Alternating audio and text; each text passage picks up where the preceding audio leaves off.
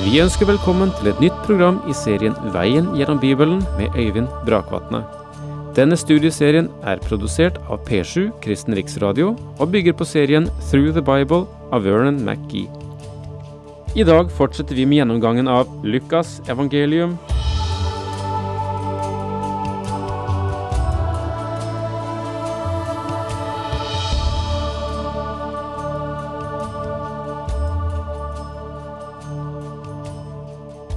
Lukas 8 fra vers 22. En dag gikk han ut i en båt sammen med disiplene og sa til dem, la oss sette over til den andre siden av sjøen. De la ut, og mens de seilte, falt han i søvn. Da kom det en virvelvind kastende over sjøen. Båten begynte å fylles med vann, og de var i stor fare. De gikk da bort og vekket ham og sa, Mester, Mester, vi går under. Da reiste han seg og truet vinden og bølgene, så de la seg, og det ble blikk stille. Han sa til dem, Hvor er deres tro? Men de var grepet av frykt og undring og sa til hverandre, Hvem er han? Han befaler både vind og sjø, og de adlyder ham. Jesu ga ordre om å krysse sjøen.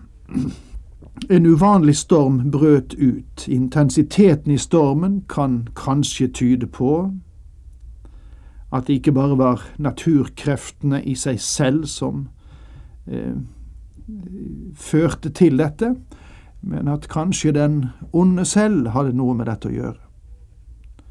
Herren han la seg til å sove fordi han var meget sliten. Så sliten at den illsinte stormen ikke forstyrret ham. Disiplene ble redde og hadde følelsen av at de ville omkomme alle som en. Stormen forstyrret ikke Herren, men den forstyrret disiplenes holdning.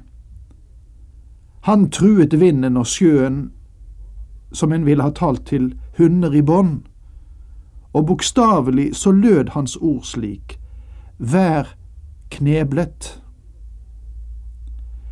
Underet ligger i det faktum at vinden løyet øyeblikkelig, og sjøen, som normalt ville ha fortsatt å rulle videre i timevis, ble øyeblikkelig som et speil. Hvor ofte han fører oss inn i livets stormer, for at vi skal kunne komme ham nærmere og lære hvem han egentlig er. Han er ikke årsaken til stormen, men han opptrer som vår Herre i stormen. Og jeg synes det er vidunderlig. Nå kommer Herren til Gerasenerlandet, eller Gadara, der det bodde en som var besatt av onde ånder. På grunn av sitt yrke så går doktor Lukas mer grundig til verks når han beskriver denne hendelsen enn de andre evangelistene. Nå kom de inn til Gerasenerlandet, som ligger rett overfor Galilea. Da han steg i land, kom det imot ham en mann der fra byen, han var besatt av onde ånder. I lengre tid hadde han ikke hatt klær på kroppen, og han bodde ikke i hus, men holdt til i gravhulene. Åpenbart var det to demonbesatte, men Lukas velger ut bare én av bestemte årsaker. Ja, hvorfor? Lukas er lege, og han forsøker å gi en illustrasjon. Når noen nevner spørsmål om demoner, så er det dem som mener at de tilhører kategorien spøkelser, gnomer, fabler og eventyr. I mange år var den kristnes gjennomsnittssyn på demoner at hvis de noensinne har eksistert, så eksisterer de i hvert fall ikke i dag. Men jeg tror at vi ser en manifestasjon og en utvikling av demonbesettelse i vår tid. Det er vanskelig å forklare hva som finner sted i vår vestlige verden uten å tro at dette fins. Lukas behandler demonisme med forbausende innsikt fra en legets synspunkt på en ganske vitenskapelig måte. Matteus' gjengivelse av denne historien går bare på å gi nøkterne fakta.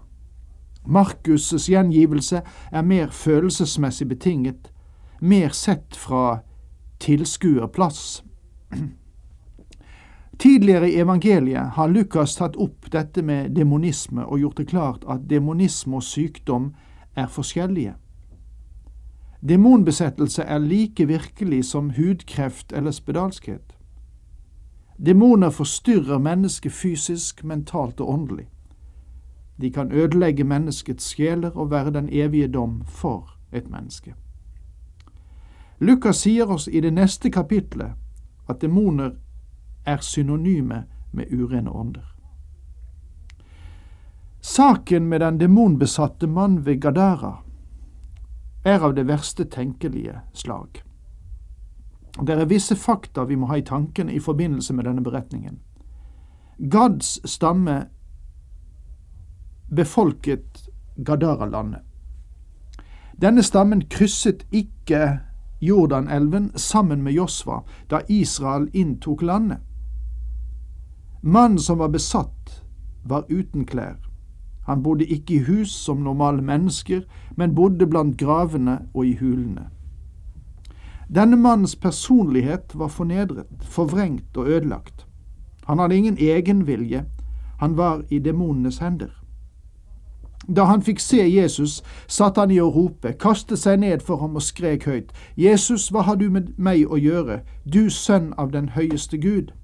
Jeg ber deg, pin meg ikke. For Jesus hadde befalt den urene ånd å fare ut av mannen. Den hadde lenge hatt ham i sin makt. Ofte hadde de bundet ham med lenker og fotjern og holdt vakt over ham, men han hadde sprengt lenkene og var blitt drevet ut i ødemarken av den onde ånden. Demonen kjente igjen Jesus. Jakob han sier, du tror at Gud er én, det gjør du rett i. Også de onde ånder tror det og skjelver. Jakob 2, 19. Demoner er Guds fiender, og de vil bli dømt. Hvordan oppsto demoner? Ja, her kan vi vel ikke være for dogmatiske eller for påståelige. Den fysiske verden har noe i seg som ikke kan ses, og det er atom. De eksisterer og har påvirket oss i denne generasjonen som i tidligere. På samme måte er det i den åndelige verden ting vi ikke kan se. Engler er virkelige, men vi kan ikke se dem. Det er to typer engler, de som er med Gud og tjener ham, og de som falt sammen med Satan ved begynnelsen. Homer taler om daimon og oss som synonymer. Hesiod, en gresk filosof, sier at alle demoner er gode, mens en annen gresk filosof Empedokles sier at demonene er både onde og gode. Bak all avgudsdyrkelse og fortidsreligion sto demonisme. Demoner kontrollerer et menneske så de ikke kan gjøre det de ønsker å gjøre. Får et menneske til å gjøre fryktelige og nedverdigende ting. De får mennesker til å utføre det som bryter ned deres sjel. De får mødre til å ta livet av sine barn, ektemenn til å ta livet av sine hustruer, og barn til å drepe sine foreldre. Mennesker kan foreta sanseløse gjerninger uten at de makter å skjønne helt hvorfor. Og dette er jo ikke fremmed i våre dager heller, og vi anklager alt annet enn demonene som kilde til det som hender. Jesus spurte ham, Hva er ditt navn? Legion, svarte han, for det var mange onde ånder som var faret inn i ham. Og de ba Jesus at han ikke måtte sende dem ned i avgrunnen. Nå gikk det en stor svineflokk og beitet der ved fjellet, og de onde åndene ba om å få fare inn i dem. Det ga han dem lov til. Der for de onde åndene ut av mannen og inn i svinene, og hele flokken satt utfor stupet og ned i sjøen og druknet. Denne mannen var ikke bare besatt av én ånd, men av mange. Det var 3000 til 6000 menn i en romersk legion. Ordet legion, sett eh, som militæruttrykk, ble brukt på samme måte som vi bruker ordet horde. Det var en horde demoner i denne mannen, og de ønsket ikke å fare ned i avgrunnen. Judas sier oss noe om det i sitt brev, der det står og de engler som ikke tok vare på sitt høye verv, men forlot sin egen bolig, dem holder han bundet i mørket med evige lenker til dommen på den store dag. Judas vers 6. Demoner ønsker å bo i mennesker. Når en demon kastes ut, vil han vandre omkring og komme tilbake og forsøke å bryte inn i det mennesket på nytt. Eller hvis han ikke finner inngang, så drar han til et annet menneske. Han ønsker ikke å være uten legeme. Da Herren kastet demonene ut av denne mannen, så var de villige til å gå inn i en svineflokk som beitet heller enn å fare ned i avgrunnen. Kanskje svinene ville være døde fremfor å være besatt av demoner, men de fikk ikke lov til å svare. I alle fall kan deres oppførsel tyde på det. Men da gjeterne så det som var hendt, løp de av sted og fortalte det i byene og grendene omkring, og folket dro ut for å se hva som hadde hendt. Da de kom fram til Jesus, fant de mannen som de onde ånder var faret ut av. Han satt ved Jesu føtter, påkledd og ved sans og samling. Da ble de forferdet. Men de som hadde sett på, fortalte hvordan den besatte var blitt frisk igjen. En enorm forvandling hadde funnet sted i denne mannen. Bare Kristus kan fri oss fra Satans makt. Vi erfarer en ny oppvekking av demonisme i vår egen tid.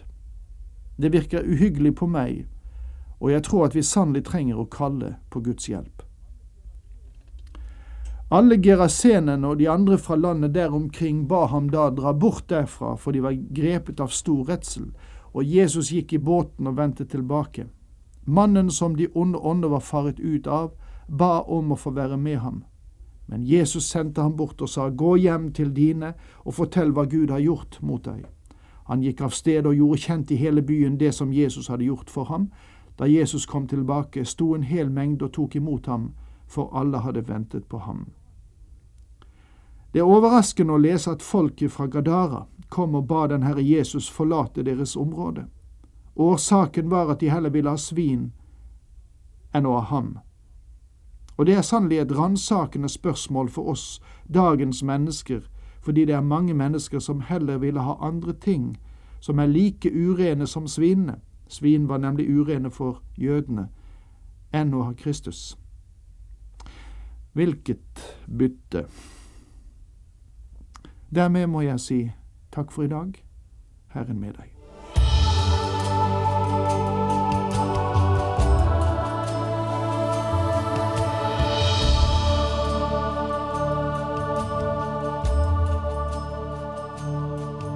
Du hørte Øyvind Brakvatne i studieserien Veien gjennom Bibelen.